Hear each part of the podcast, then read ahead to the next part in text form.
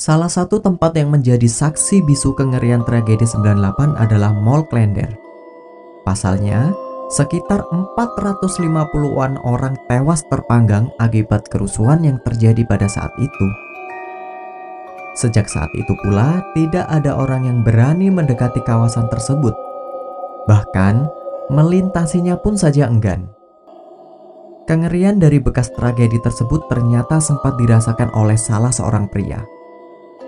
Pada saat itu, pria baru saja mampir ke rumah temannya yang ada di Buaran dan akan pulang menuju rumahnya yang berada di kawasan Rawamangun. Saat itu, hari sudah malam dan ia kebingungan untuk mencari transportasi umum. Akhirnya, datanglah angkot 27 jurusan Buaran Rawamangun. Angkot tersebut telah terisi beberapa penumpang. Tanpa menaruh rasa curiga, ia pun kemudian menaiki angkot tersebut. Namun, ketika berada di dalam, nuansa horor sangat terasa. Wajah para penumpang pucat dan tidak ada satupun penumpang yang berbicara. Bahkan sopir angkot pun diam seribu bahasa.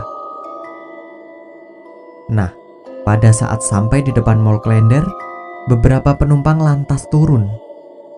Ngerinya setelah turun, tubuh dari para penumpang tersebut berubah menjadi gelap seperti bekas luka bakar dan menyisakan bau seperti daging terbakar.